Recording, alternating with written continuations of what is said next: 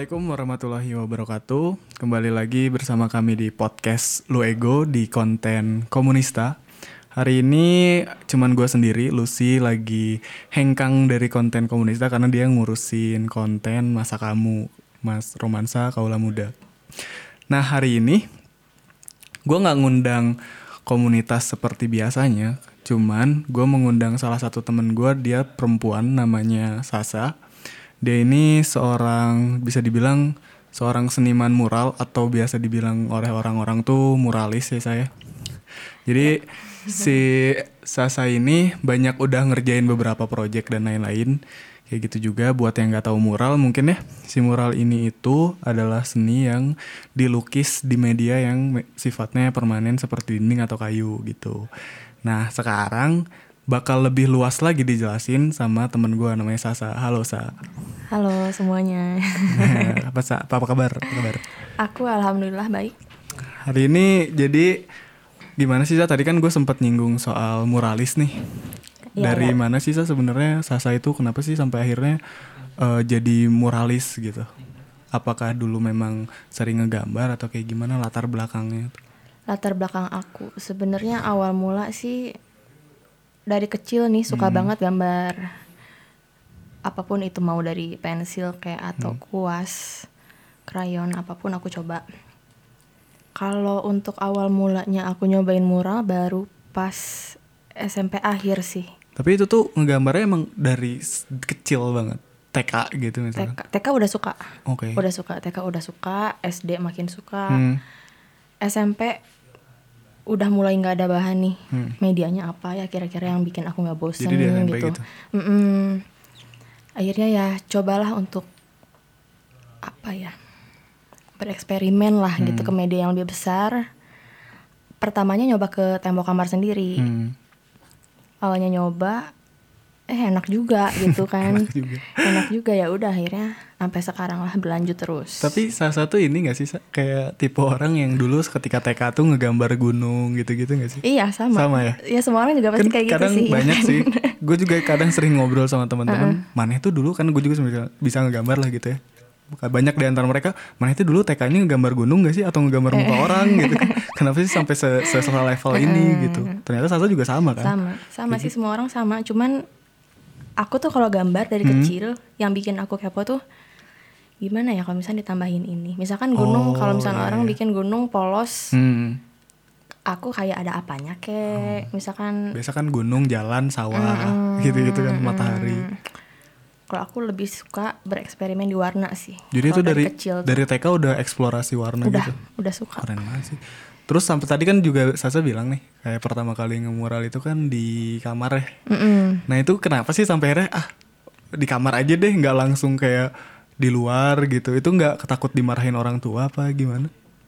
Pertama kali aku nyoba mural di kamar ya, hmm? itu tuh pertama karena nggak ada bahan, ah, nggak ah, ada media gak maksudnya. Ada media. Nyari apa kayak yang polos gitu. Eh ada tembok, ada tembok. ya udah karena kan pada masa itu sebenarnya nggak ada ya maksudnya mural belum yeah. se booming itu sekarang di tahun gitu. berapa sih? Berarti SMP tahun berapa tuh? 2012. 2012-an ya. Uh, uh. 2012. Akhirnya coba awalnya sih aku izin dulu. Hmm. Awalnya izin, terus ditanya, "Yakin gak nih bakal bagus?" Si orang tuanya Orang nanya. tua aku nanya kayak gitu. Mungkin takut akhirnya gagal, hmm. malah jadi jelek juga nah. kan. Ya udahlah. Ya kamar-kamar aku juga sih. Terus apa -apa. ini gak sih kayak uh, maksudnya susah nggak sih waktu awal-awal pertama kali ngemural? Pertama kali ngemural tuh aku bikin nama nama lengkap aku. Oh, nama. Anissa Anastasia. Hmm. Awalnya bikin itu bikin kayak apa ya? Kalau orang gitu. bilang, uh, uh, kalau orang bilang sih mungkin graffiti gitu. Hmm. Tapi graffiti pakai kuas. Pakai kuas dan cewek. Uh, uh. Awalnya dari situ terus ada satu karakter juga cewek hmm. perempuan cewek ceritanya aku gitu. Digambarin juga uh, uh. di situ. Jadi di bagian atas nama aku, di pinggirnya ada orang, di bagian bawah ada tangan pegang pilox gitu. Oh iya iya. Uh -uh, itu pertama kali aku nyoba gambar di tembok tuh. Terus itu masih ada sampai sekarang? Udah pindah rumah. Oh gitu. Sayang sekali. Yang kamar sekarang ya digambarin? Digambar. Sama. Digambar tapi lebih simpel sih, lebih ke apa ya? Warna-warna kayak apa ya geometri ya gitu gak sih? Kebanyakan kan kalau misalkan gambar-gambar perempuan, saya adik gue juga sama sih uh -huh. ngegambar juga di kamarnya, tapi kayak geometri yang disolasiin dulu. Oh enggak enggak. Oh enggak kayak gitu. Kayak ini loh, apa aku lupa banget namanya kayak gunung, gunung hmm. apa sih? Oh iya yeah, ngerti kayak pemandangan gitu tapi beda-beda warna. Apa coba namanya? Itulah ya. Lupa lupa. Itulah namanya. Nah, tapi berarti sekarang juga kan ngegambar kan? Sekarang masih ngegambar gambar. Di, di, Nah itu tuh ini gak sih Sa? kalau misalkan ngegambar kan memang Sasa dulu dari TK gitu ya mm. sampai akhirnya menuju ke media yang lebih taruhlah lebih lebih sulit gitu ya ke kanvas dan lain-lain itu tuh sebenarnya belajar atau belajar sendiri? Atau diajarin gitu maksudnya? Waktu TK aku sempat les sih. Oh sempat les. les. Tapi itu cuma berjalan satu tahun kayaknya. Hmm. TK ya. les les wow keren banget sih kalau udah anak TK les ini. Les gambar. Ah, sebenarnya mama aku masukin aku untuk les gambar hmm. awalnya iseng-iseng aja. Nggak kan oh. maksudnya nggak memaksa aku untuk nih nanti kamu jadi seniman gitu. hmm. gitu nggak hanya untuk ya udah ngisi waktu. Biasa lah ya orang tua uh, suka nyari-nyari bakat anaknya. Nah, hmm. ngisi waktu ternyata suka ya udah. Aku perdalam lah sampai sekarang. Dari situ tuh intens sampai sekarang selalu belajar soal gambar. Kalau kalau dulu kan gue atau beberapa temen gue kadang ada ada tahun-tahun di mana kita jenuh banget nih ngegambar istilahnya tuh art block lah mm -mm. kayak udah nggak tahu mau ngegambar apa lagi ngembanginnya juga agak susah nah itu Sasa pernah nggak sih ngalamin hal-hal kayak gitu pernah sih cuman kalau aku sendiri kalau misalkan aku lagi jenuh hmm. sama apa yang aku tekuni hmm. misalkan sekarang lagi bikin abstrak hmm. bosan bosan ya aku mencoba untuk eksplorasi yang lain tapi nggak pernah tapi tetap seni juga Berarti dari TK itu intens tuh. Intens. Terus-terusan. Gitu, mm -mm. Ngerasa keren gak sih? Biasa aja sih. Soalnya ada beberapa orang ya termasuk gue juga dulu. Zaman SD itu yang bisa ngegambar Naruto gue doang. Oh. Jadi kayak anjing keren banget nih. Se sekelas tuh pasti mintain gambar-gambar kayak Naruto dan lain-lain itu pasti ke gue itu sama sama sama sama. Kayak gitu kan. Apalagi Sasa kan ini perempuan nih. Uh, uh, uh. Biasanya kan kalau yang kayak gitu kayak gitu tuh laki-laki. Uh, uh. Nah itu teman-teman gimana sih saya ngeliatnya? Kalau dari teman-teman bilang sih bagus, hmm. bagus karena yang jarang-jarang nih yang bisa gambar kayak gini. Hmm. Terus awalnya tuh SMA, yeah. SMA ada pelajaran seni rupa tuh, hmm. disuruh gambar apa pun. Aku tuh satu hari bisa ada lima orang lah Ngejoki. yang minta digambar. Nah, ya benar-benar di joki, di joki. Terus ini kan, uh, maksudnya kan kalau misalkan mural tuh kesannya kayak ya butuh tenaga yang ekstra gitu ya kenapa sih sampai akhirnya tuh uh, memilih mural gitu daripada seni lain kan banyak sebenarnya ngelukis tuh nggak harus di tembok gitu. Kenapa harus sampai di tembok gitu? Dulu ada ada ada sejarahnya gak sih? Sejarah sejarah mural sih. Maksudnya Sasa kenapa gitu sampai akhirnya memilih seni ini daripada seni yang lain? Hmm. Pertama kenapa aku pengen di tembok hmm. karena emang jarang kan? Hmm, cewek iya, cewek ngemural benar, jarang benar. Terus medianya juga besar hmm. intinya kalau misalkan aku bikin gambar nih di tembok hmm. aku ngenilai orang-orang bisa nikmatin karya aku gitu Iya iya benar sih karena kan itu di media yang besar hmm. sama bisa kayak graffiti sih graffiti tuh hampir yang gua rasa hampir kayak iklan. Mm -hmm. Kalau misalkan kita ngegambar graffiti sebesar itu di pinggir jalan, kayak sebuah iklan jadinya. Orang-orang juga kalau misalnya ngelewat situ otomatis ngeliat lah udah pasti yeah, itu tuh. Nah, Jadi kayak semacamnya kayak gitu berarti ya bener, motivasinya bener. sama. Jadi seneng gitu untuk jadi kalau orang nikmati seni aku hmm? seneng aja perasaan tuh. Oh iya benar gitu ada kepuasan lah ya. Orang tua juga sama kayak gitu. Se sesenang itu, sebangga itu enggak sih? orang tua sih bangga pasti ya hmm. pertama ya mungkin gak nyangka juga dulu ngelesin aku gambar oh, iya. itu sekarang tahu-tahu kok gitu. jadi diperdalam gitu mama juga nanya gitu gak nyangka juga mama katanya berarti nggak pernah kayak ini kayak ngapain sih kamu nyoret-nyoret tembok misalkan apalagi kalau misalkan di rumah sih nggak masalah kan mm -mm. karena bangunan sendiri yeah. sekarang kan saya yang gue lihat di Instagramnya udah mulai merambah nih ke tembok-tembok mm -hmm. umum gitu-gitu kan ke tembok orang lain itu pernah nggak sih ada sampai kekhawatiran orang tua ngapain sih takut dimarahin? kayak ada gitu. ada ya? banget. Ada. Kayak aku nih beberapa hari ini ngemural. Iya. Yeah. ngemural di jalanan, di jalanan gitu kan. Mamaku nanya itu gimana? Ada izinnya nggak? Ya aku kan ik ngikut-ngikut aja ya. Ya akhirnya bilang ya ada ada izinnya kok gini gini gini. Lagian banyakan juga kan kita ya aman lah aku memastikan gitu. Hmm. Jadi ini kabar maksudnya si orang tua berarti nggak pernah mengeluhkan soal itu. nggak pernah cuman hanya mengingatkan sih Jadi Awas Sasa ngejelasinnya pergaulan. itu ada izinnya. ya? Padahal ya ada ada. ada kok ada izinnya. Maksudnya temboknya juga bukan milik pribadi kan. Iya. Maksudnya itu kan tembok yang istilahnya tidak bertuan. ya Jadi digambarin gitu kan. benar Terus pernah nggak sih Sa, kayak kepikiran misalkan ikut lomba ah gitu mural kan banyak nih sebenarnya banyak lomba mural tuh biasanya dari TV udah terakhir tuh dari net pernah gak sih kepikiran kayak gitu kepikiran pernah tapi baru sekarang-sekarang ini nih Hmm. setelah aku memperdalam mural hmm. terus udah coba ke customer ya baru kepikir untuk coba cari-cari. ikut lomba. Heeh. Sebenarnya agak nyesel juga sih. Waktu dari tahun 2016 Hmm. sampai ke 2018 tuh. Ternyata banyak juga Ya, kan event-event kayak gitu. Tapi tahun-tahun ternyata terlambat lah. Ternyata banyak banget emang dulu tuh yang ngebatasin apa sih sebenarnya yang ngebatasin. maksudnya yang ngebuat jadi enggak deh gitu Dulu aku sempat kerja juga sih. oh Kerja kehambat kerja gitu kehambat kerja. kalau sekarang kerja juga Sekarang aku kerja juga sebagai akunting di salah satu perusahaan yang bergerak di bidang pariwisata. Tapi se- kalau misalkan emang nggak ikut lomba tapi pernah nggak sih dapat prestasi yang menurut Sasa bisa dibanggain nih sampai sekarang soal dunia seni rupa gitu Kalau seni rupa, kalau dari mural sendiri sih belum. belum ya Kalau dari mural sendiri belum, paling dulu zaman sekolah tuh pernah bikin flyer. flyer tuh apa sih poster bukan? Kayak bukan selebaran yang dibagi-bagiin oh gitu loh. iya iya iya Untuk bazar sekolah. Hmm. Pernah dua tahun berturut-turut flyer aku dipakai. itu zaman apa SMA SMA. Di SMA tuh kayaknya apa ya dulu tuh gue ngerasa tidak sangat aktif di SMA sih kalau ngegambar karena teman-teman banyak yang apa ya namanya banyak yang punya hobi lain yang lebih jadinya gue ketarik tarik sama mereka Sasa pernah gak sih kayak kayak ada perasaan kayak ah nyobain hobi lain ah selain ngegambar kayak nari misalkan atau yang lebih girly lah Lebih girly. Ah, pernah Apa ya? Gak ada. Gak ada sih ada, gambar nggak ya ada. terus De- Seni. mendedikasikan seluruh hidup Gak ada. Serius Gak ada. Soalnya kan kayak biasanya nih ya kalau perempuan tuh eh dulu pernah ikut eskul nggak Ekskul visual. di sekolah? Visual ada. Visual. Itu ngapain aja? Yang tadi bikin flyer, Oh, bikin poster atau banner apa kayak pokoknya Keren banget berhubungan ada sama seni. eskul visual multimedia gitu bukan sih? Oh. Dulu kayaknya gue di SMA tidak ada malah kadang kalau misalkan mural tuh dianggapnya kalau di sekolah gue dulu kayak ya udah kriminal aja gitu nembok nyoret nyoret Oh. tembok jadi nggak kurang agak tidak dihargai lah kalau kayak itu gitu. mahal loh.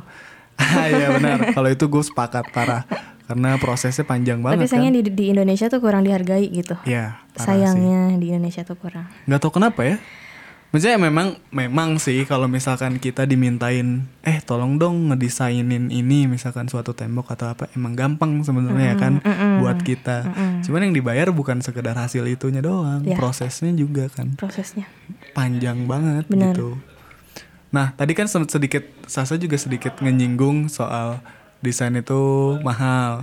Terus eh, nyinggung juga soal project gitu-gitu Ya. kan. Terus Sasa juga ternyata memang membuka jasa untuk ngemural toko, kafe dan kayak gitu-gitu. Nah, kenapa tuh sejak kapan tuh sampai akhirnya ah kayaknya nih hasil karya gue bisa diduitin nih.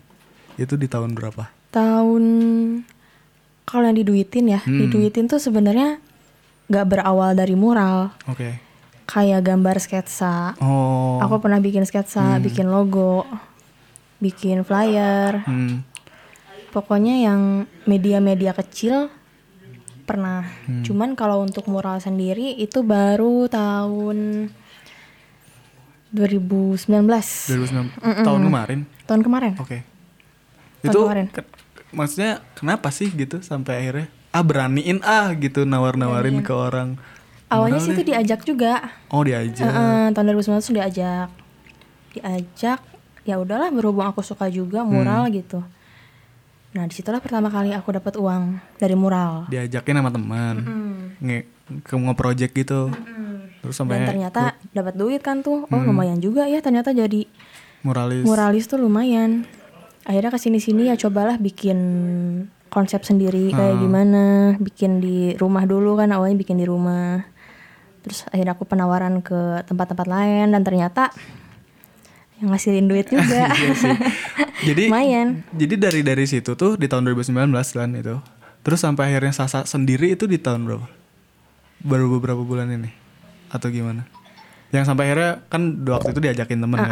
kan untuk kayak gitu uh -uh. nah terus udah tahu nih si dapat duitnya segimana uh -uh. terus ah pengen ah gue nyoba sendirian uh -uh. nah itu kapan tuh kenapa sampai akhirnya ah, sendirian aja gitu 2020 sih itu awal mula kalau misalkan itu sih ya enak kan dapat duit? Iya.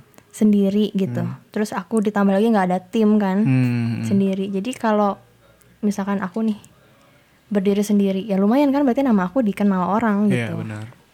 Gitu aja sih. Terus itu gimana sih sa? Maksudnya gue juga dulu termasuk orang yang nggak ngerti banget gimana sih orang itu bisa memasarkan sebuah hasil karya mereka ke toko-toko kayak kafe dan lain-lain. Itu tuh Sasa yang ngasihin proposal atau kayak portofolio Sasa atau emang pihak mereka yang minta ke Sasa biasanya itu kalau Sasa gimana ada yang aku kasih foto oke okay kalau untuk pertama kali aku awalnya belum punya Instagram tuh. Hmm, terus? Awalnya aku belum punya Instagram. Uh, aku baru bikin bikin Instagram kan baru 2020, 2020 ini ha. baru. Sebelum-sebelumnya paling ngasih foto. Hmm. Ngasih ya gitu aja sih, foto di print nih hasilnya mau nggak gitu. Oh, emang kayak gitu. Emang itu tuh dengan awal, dengan dengan effort awal. Sasa yang ngedatengin kafenya berarti atau cuman itu... kayak Sasa kenal salah satu temen yang ada ya, kerja gitu di situ. Sih, ya. Oh. Asik juga ya. Ternyata. Awalnya gitu sih kayak lawas banget gitu ya caranya. Hmm, tapi tapi emang harus kayak gitu sebenarnya. Mm -mm. Sebagai seniman harus pamer. ya, karena aku awal mula kan nggak punya portofolio apa-apa, cuma nah. punya bentuk foto doang. Oh iya sih. Nih kasih ya udah. Ternyata mau. Nah barulah aku kepikir untuk bikin video, hmm, di YouTube bikin juga ya? Instagram, ya? uh, bikin YouTube gitu. Terus ini gak sih Za? Uh, apa sih gitu rasanya menjadi seorang perempuan yang ngemural di antara banyaknya laki-laki yang ngemural juga gitu ada perasaan uh, kayak insecure gak sih ada ada banget ada sih ya? ada ada ada cuman ya balik lagi ke diri kita sendiri hmm. sih ya udah bawa santai aja hmm. jadi mau itu cowok mau itu cewek ya sama aja sama sebenernya. aja sih sebenarnya hmm. kan terus kalau misalkan dari pergaulan anak seni sih kata orang-orang kan iya gitu ngeri -ngeri ya, ya. Uh -uh. Nah. nah gitu aja asal bisa bawa diri lah hmm. soalnya gue juga ada beberapa temen yang perempuan juga sama uh. ke dunia seni tapi nggak ngemural dan gue juga sempet nanya kenapa sih nggak nyobain ngemural aja Terus dia ya bilangnya sama kayak stereotip orang Indonesia terhadap seni iya, dinding yeah, yeah. gitu ya. Yeah, yeah, kebanyakan orang-orang Indonesia nganggapnya vandalisme dan lain-lain. Yeah. Jadi kebanyakan perempuan kayak gitu. Nah makanya sampai akhirnya gue kenal sama Sasa ini tuh waktu itu ya karena ngelihat di Instagram, wah ini keren sih kalau mm -hmm. menurut gue kayak ini orang keren banget perempuan seberani itu ngemural gitu karena kebanyakan teman-teman gue perempuan yang sama ngegambar juga dan menurut gue gambarnya keren banget tapi nggak berani gitu ngemural justru dari dari situ aku nyari apa ya nyari apa ya, sesuatu ya, yang iya. beda lah gitu Bener karena sih. kan cewek masih jarang hmm. nih ya udah jadi memanfaatkan waktu sebaik-baiknya lah sebelum Saya, ada orang lain yang lebih gimana pernah nggak sih kayak Sasa lagi nger, apa sih ngerjain nih sendiri mm -hmm. perempuan nih sosok mm -hmm. sendirian perempuan terus di di kondisi toko pasti tutup dong Iya. Nah iya, terus iya, kayak iya. ada gak sih kayak cowok-cowok atau ada apa ya orang yang kayak gimana ya bilangnya kayak gitu misalkan ya pernah gak sih Sa? kayak gitu goda-goda gitu? Ah, goda-goda ada ada itu kejadian di mana ya yang benar-benar sendiri banget ya. ah. ya aku ngerjain proyekan di daerah Sersan Bajuri mm -hmm. dekat ini apa sih namanya terminal terminal Ledeng oh iya iya di situ tuh banyak banget opang Oh, Jack Pangkalan opang. gitu, gitu. Oh, jadi si tempat kafenya tuh sebelahnya tuh tempat opang gitu. Hmm. Mana aku di depan gitu, jadi hanya kehalang pagar yang garis-garis. Hmm. Jadi mereka kelihatan lah ya kalau dari aku gitu kan untuk ngegambar naik-naik gimana. Awalnya takut sih. Cuman ya udahlah biarin aku kerja kok di sini oh, gitu. iya sih bener cuman nggak ngeri gitu sa. Ngeri ngeri sih. ngeri. soalnya gue tuh gue juga sering maksudnya ada beberapa lah project ngemural gitu. Uh. tapi ngemuralnya tuh dibarengin sama kayak uh, jadi si bangunan itu sebenarnya belum selesai. Jadi nyatu sama pekerja-pekerja lain lah sama tukang-tukang yang aku pun sama kayak gitu. Pernah kayak gitu. Uh -uh. nah gue aja sebagai laki-laki nih ketemu sama bapak-bapak ini kadang agak agak risih, risih. Uh, risih. Kadang suka nanyain lah, iya, karena iya, kita iya. lagi nggak mau diganggu, pengen fokus tiba-tiba nanya. Nah, Sasa pernah gak sih gitu? Pernah pernah. Kalau misalnya aku udah ngerasa kesel, nah? aku pasang headset. Oh iya. Pasang headset depan dia gitu, terus volume rada gedein tuh, jadi hmm. dia ngeh kan, oh hmm, lagi gak gitu. si Eneng lagi denger musik gitu. pernah gak sih kayak ada klien yang wah keren banget nih gitu misalnya ke Sasa terus uh, kayak agak menyebalkan tapi gitu kan banyak ya berhubungan dengan klien kayak gitu kayak gitu pernah nggak ada punya pengalaman yang klien yang yang menurut Sasa nih konsepnya susah banget iya, buat iya, iya. dilakuin iya. pernah pernah itu gimana kadang-kadang kan ada nih customer yang tolong dong cariin konsepnya hmm. bagusnya kayak gimana sih sa ya ya udah aku kasih konsepnya kira-kira gini gini gini gini awalnya kan aku survei dulu tempat tuh oh ya hmm. ya udah cocoknya Gambar misalkan apa? tema abstrak ha. atau tema apa kayak terus aku ajuin lah desain aku. Hmm. kata mereka kurang cocok. Oke okay, bikin lagi ya. berarti revisi. Terus aku tanya ya udah maunya kayak gimana? Misalkan pengennya temanya apa? Nanti aku yang tentuin gambarnya hmm. atau pengen dari warnanya warna apa?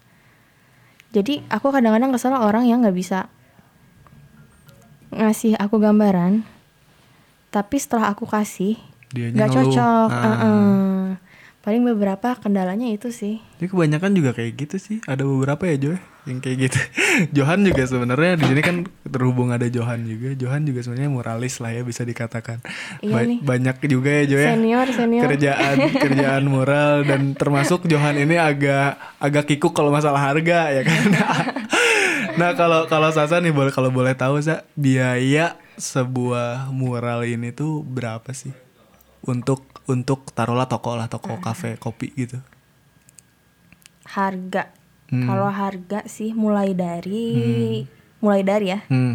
mulai dari dua ratus ribu per meternya itu per satu meter persegi. Jadi kalau misalkan teman-teman listener ada yang punya tembok 12 meter persegi, misalkan 4 kali 3 jadi kaliin 12 gitu iya, kan harganya. Betul. Itu tuh berarti termasuk apa aja tuh harga itu tuh? Cat bisa dikondisikan sih chat dalam dalam artian di kondisi dia yang nentuin apa gimana?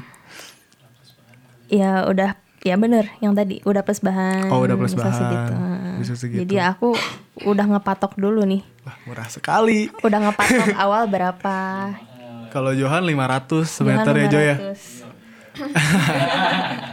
Kenapa? Sebenarnya tuh kenapa mahal? Karena bukan karena pengen nyari cuannya sebenarnya. Ya. emang harganya segitu pertama. Ya kita juga kan pasti survei harga kan, uh, survei yeah. harga, nanya-nanya harga gitu, berapa sih sebenarnya ke anak-anak murah lain gitu. Kalau misalkan memang harganya segitu ya berarti emang segitu dan menurut gue dua ratus ribu tuh termasuk yang murah, murah banget. Bener. Karena tuh dengerin ya, prosesnya, ya, customer, customer. soalnya prosesnya nggak se ya panjang sih sah yeah. aja dari TK gitu kan. Nah ada nggak sih sa kesulitan lain perihal teknis nih? Kalau tadi kan kesulitan perihal birokrasi dengan klien. Kalau masalah teknis kan banyak tuh gambar-gambar kalau tembok kayak kita tahu sendiri tinggi-tinggi gitu kan. Nah, nah salah satu biasanya ngerjainnya kayak gimana? Kalau aku biasa kalau untuk tembok yang tinggi, hmm. ya pakai tangga lah. Iya mak iya sih. Pakai tangga. terbang. Cuman cuman masalahnya aku tuh fobia sama tinggi. Jadi okay. kadang-kadang suka kalau ngeliat ketinggian geter deg-degan gitu uh. deg-degan. Nah, ini jadi mencoba gimana sih caranya biar aku tetap naik tangga tapi hmm. nggak hmm. takut. Terus jadi gimana ngakalinnya? Ya ya bodo amat gitu. Ya ini kan buat duit gitu. Tuh kan jadi dua ratus ribu tuh termasuk resiko dalam nah, pekerjaan bener gak belum kalau jatuh. Belum kalau jatuh belum. Obatnya belum iya. ya. murah sekali ya Jo ya. Kalau Johan di seratus ribu. Jo, aduh Johan bukan murah sih bodoh saja itu nah kalau misalkan kan kita tahu kalau misalkan media tembok dan media kanvas kan beda tuh Biasanya kalau di tembok tuh pakai cat apa sih, Cak? Kalau dari cat? Huh? Dari cat sih tergantung. apa. Karena kalau tiap merek tuh kan beda. Misalkan hmm. merah warna eh warna merah dari merek Nippon, hmm. misal sama Sunlex hmm. itu kan beda. Iya beda banget jauh sama Sunlex. Jadi jadi kadang-kadang aku suka banding-banding nih. hmm. Kira-kira harganya murah tapi warnanya bagus yang mana? Hmm. Dan Kalo itu juga ini gak sih nyocokin nama gambar Sasa mm -mm, juga kan? Benar-benar. Sama si desainnya gimana mm -mm. kan?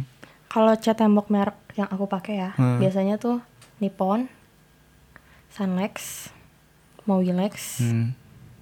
Avitex. Avitex nggak tuh? Avitex, Avitex ya yang murah kan? Ah, yang murah. Itu biasanya aku pakai untuk warna putih. Oke, okay, putih. putih hitam gitu.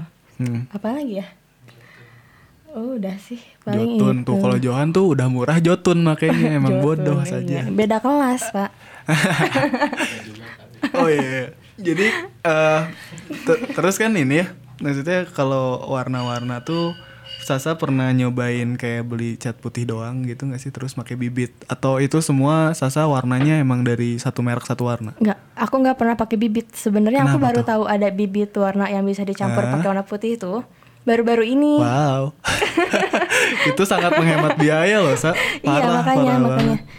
Aku kemarin-kemarin kalau gambar pun itu ya udah paling beli merah, kuning, biru, warna, hijau. dasar gitu ya. Uh -uh, hitam putih. Dan itu satu merek semua atau ter oh tergantung campur, yang tadi ya tergantung. campur ya karena nanti kalau misalnya mau bikin warna ungu nih bisa campur merah sama biru atau ya selebihnya hmm. lah. Nah mungkin banyak yang nanya nih sa. Bedanya apa sih sa misalkan listener nih ya? Uh-uh. open Q&A kak kak bedanya apa sih kalau misalkan cat yang untuk kanvas sama untuk tembok itu bisa nggak sih dijelasin? Cat untuk kanvas kalau hmm. cat untuk kanvas kecil-kecil kan.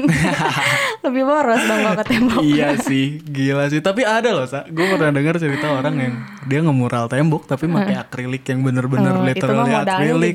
Wah, itu harus gila sih. Kuat sih. Keren banget, iya.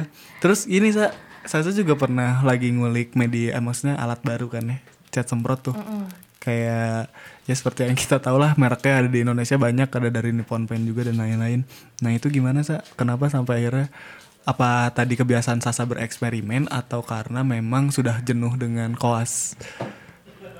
Sebenarnya aku kayaknya sih nggak akan jenuh ya kalau ke okay, koas. Ya. Jadi hanya ingin eksperimen berarti tadi ya. Matiin aja dulu, bisa nggak? Serius? Gak tahu caranya. Ya udah tunggu. Pencet gitu, nggak bisa? Gak tahu caranya sumpah.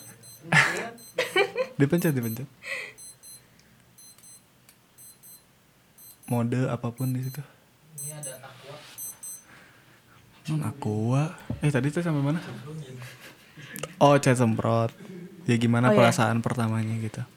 Pertama kali uh, kenapa nyoba cat semprot? Hmm. Karena awalnya sebenarnya sih aku nggak akan bosen ya kalau untuk ke puas. Nah. Karena kan emang aku bakal terus mendalami di situ hmm. gitu. Kenapa aku coba cat semprot?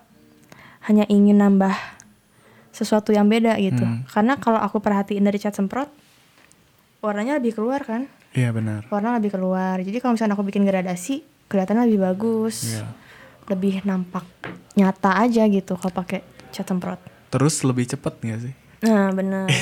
Sangat menghemat Kayak waktu sebenarnya. Arsir kayak apa? Cuman kalau buat yang nggak tahu sebenarnya harga cat semprot dengan cat tembok tuh hitungannya kalau dalam sebuah bidang tembok pasti mahalan kalau misalkan iya. ya pakai cat jadinya mahal kan. banget. Uh -uh, jadinya mahal banget juga. Nah terus uh, sekarang berarti aktivitas yang lagi Sasa lakuin selain ngemural apa lagi? Sekarang aku kerja kerja sebagai akunting hmm. yang tadi dan kuliah online sih. Kuliah online pun aku ngambil jurusan manajemen. Hmm. Jadi emang gak ada seni-seninya banget. sama Johan juga sama. Johan juga sama. Johan juga chef sebenarnya juga. Chef. Cuman ngegambar. Barangkali ada yang mau pesan catering. Bigi Katsu eh Bogo Katsu ala oh Bogo Pudis udah kan berarti tadi kan kesulitan udah mm -hmm. respon orang tua udah terus itu itu nah sekarang kayak apa sih sa arti seni buat kehidupan saya satu arti seni menurut hmm. aku seni itu hidup sih oh sih. Separuh hidup aku gitu. Benar benar benar banget. Karena jadi kayak kalau aku gak, gak gambar nih sehari hampa aja gitu. Gak ngerti. Oh jadi salah satu sebenarnya gambarnya setiap hari? Setiap hari apa pun. Literally. Apa pun. Sketsa gitu yeah. ya keren sih. Mau sketsa mau aku sudah sangat malas buat mm. menggambar ya. karena udah wah udah duh udah capek. Itu ya juga itu lah. Terus ada nggak sih pesan buat teman-teman nih yang teman-teman yang sama kayak Sasa gitu perempuan yang pengen nyoba mural gitu ada nggak? Menurut sepengalaman Sasa. Kan banyak sih sebenarnya orang kayak teman-teman gue juga tadi yang cewek yang ngegambar kan pada takut tuh. Mm-hmm. nah itu dari Sasa tuh kayak gimana pesannya? Intinya sih jangan takut untuk coba ya. Hmm benar. Siapa tuh iseng-iseng berhadiah gitu. Iya bisa ngasilin juga kan? Uh, kalau udah ngasilin mah? Enak kan enak, iya bener. udah punya nama gimana hmm. ya. Intinya jangan takut untuk bereksplorasi lah. Hmm, benar, benar. Terus benar. jangan apa ya, ya namanya? kata orang benar gak sih? Uh, uh, iya, banyak iya. orang yang percaya bilang, diri aja sih. Iya sih percaya diri terus harus kepoan sih. Eh, iya, benar. Kepo. Apalagi ya? Udah. Jangan minder sih. Benar, benar. Nah, buat yang nggak tahu nih, buat yang penasaran banget sama karyanya Sasa, bolehlah saya di share Instagramnya. Instagram aku di Sasa Anastasia underscore S A S A A N A S T A S Y. Anastasia. Underscore. Kalau YouTube, YouTube aku Anissa Anastasia. Nah, buat teman-teman yang N-nya pengen, dua. pengen banget. Oh, N-nya dua. Anissa. Anissa. N-nya dua. Buat teman-teman yang pengen tahu karyanya Sasa tuh gimana sih buat yang dengerin ini ada di Instagramnya terus kalau misalnya lihat proses muralnya gimana nah itu di YouTube di semua ada prosesnya kok dari Bener. awal sampai ke akhir kayak buat, gimana? buat yang pengen menggunakan jasa Sasa juga tinggal DM aja. Mm -mm, bener. Bener. Murah ditunggu, banget. ditunggu beneran. banget tuh. Sumpah guys yang dengerin ini murah banget kalau segitu. Ya jadi itulah ada yang mau diceritain lagi ya Sa? apa ya? Ada sih uh, sebenarnya cita-cita awal aku tuh nggak tahu jadi apa nggak tahu mau jadi apa gitu. Tidak terbayangkan. Nggak terbayangkan. Jadi sama sekali nggak tahu cita-cita mau jadi apa sih. Hmm. yang jelas aku suka gambar ya udah. Tapi belum tahu apa. Jadi gini pertama kenapa aku kuliah masuk manajemen? Hmm. karena ceritanya panjang sih ini sebenarnya. Ceritain aja. Jadi 2015 tuh kan aku keluar SMA uh terus aku berambisi banget untuk masuk seni rupa. Terus aku minta minta apa ya minta izin lah gitu ke orang tua gimana nih menurut kalian aku masuk seni rupa apa enggak? Mama aku sempat bilang kayak gini apa nggak coba uh, jurusan lain gitu hmm. apa nggak coba jurusan lain gitu selain seni rupa apa misalkan ya ekonomi kayak nah. apa ya yang umum-umum aja gimana di situ aku mikir kan Iya juga sih. Sebenarnya mama aku hanya memastikan aja. Yeah. Mama dan papa tuh hanya memastikan. Kamu bisa nggak mempertanggungjawabkan yeah, yakin gak, gitu jurusan yang aku pilih dengan cita-cita kamu katanya. Bimbang tuh jadi kayak galau banget kan. Iya, ya udah akhirnya aku memutuskan untuk ya udahlah nganggur aja dulu sambil aku cari kerja hmm. gitu.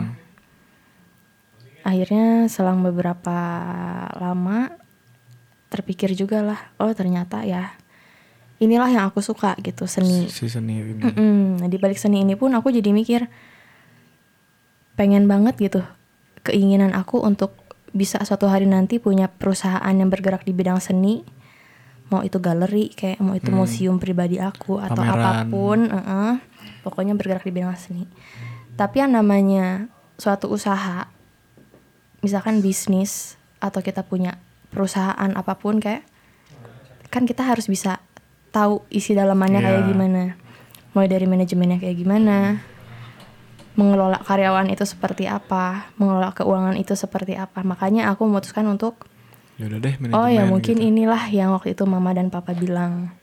Tapi sempet ini gak sih kayak daftar yang emang seni rupanya gitu? Pernah. Coba dulu. Pernah, pernah. Itu ke mana tuh? Waktu pertama aku 2015 tuh SMA. Coba untuk ikutan SNMPTN, mm -hmm. FSRD ITB. FSRD ITB. Gak masuk. Hmm. Masuk Marnat, masuk. Si FSRD-nya. Iya, FSRD. Oh sebenarnya udah keterima di Marnat tuh aku udah keterima bimbang aja gitu. Iya sih orang tuh menyarankan kayak gini.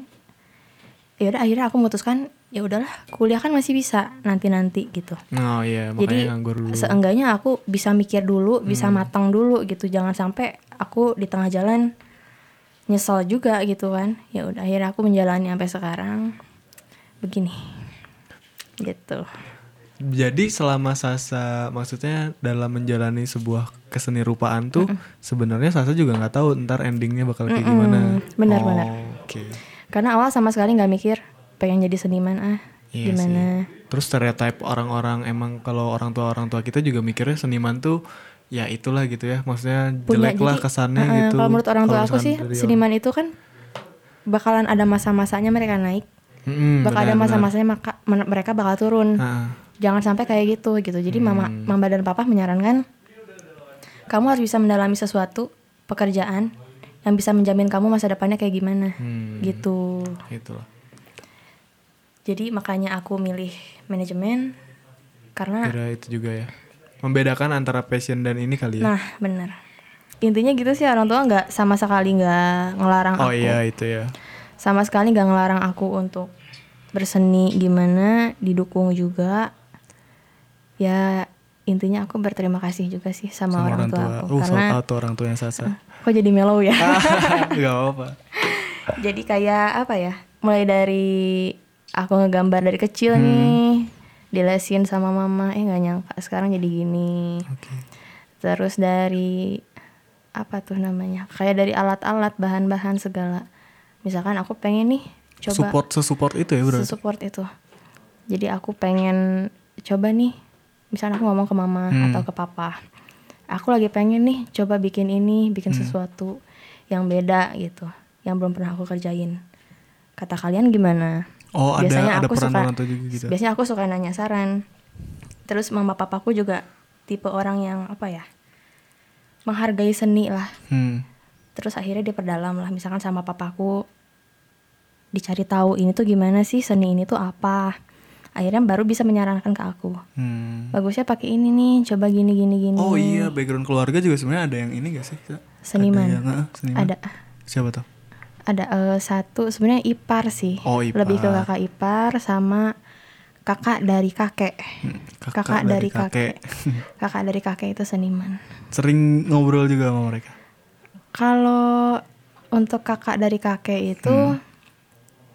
Gak sempat ketemu malah hanya oh, tahu aja tahu nih. aja kalau dia seniman. Dia seniman terus udah almarhum juga hmm. kan. Jadi waktu aku kecil ya udah meninggal jadi nggak tahu sama sekali hanya tahu oh ini karya-karyanya gitu. Oh ada karya ada. Wah. Oh satu lagi sa. Mm -mm. siapa sih yang benar-benar nge-influence Sasa buat terus ada di dunia seni? Orang tua sih. Wow. Orang tua karena orang tua benar-benar ngedukung banget kalau aku sih Johan ada namanya Johan. temen hmm, itu memotivasi oh yang sekali. tadi itu ya iya. kalau aku lagi lemah Kok lagi merah down gitu mukanya tinggal lihat Johan jo. tuh udah termotivasi ya udah itu aja gitu aja paling Nah jangan lupa follow Instagramnya Sasa dan subscribe juga YouTube-nya di like, comment, and share Allah. ya ditunggu ya subscribe-nya. Terus jangan lupa juga di follow Instagramnya lu.ego, di share juga ke teman-teman. Terus follow juga Spotify kita di Luego, Twitter juga ada sebenarnya Luego dan lain-lain lah pokoknya. Kepoin juga konten-konten kita yang lainnya. Gua Sangaras. Aku Sasa. Kita pamit. Assalamualaikum warahmatullahi wabarakatuh.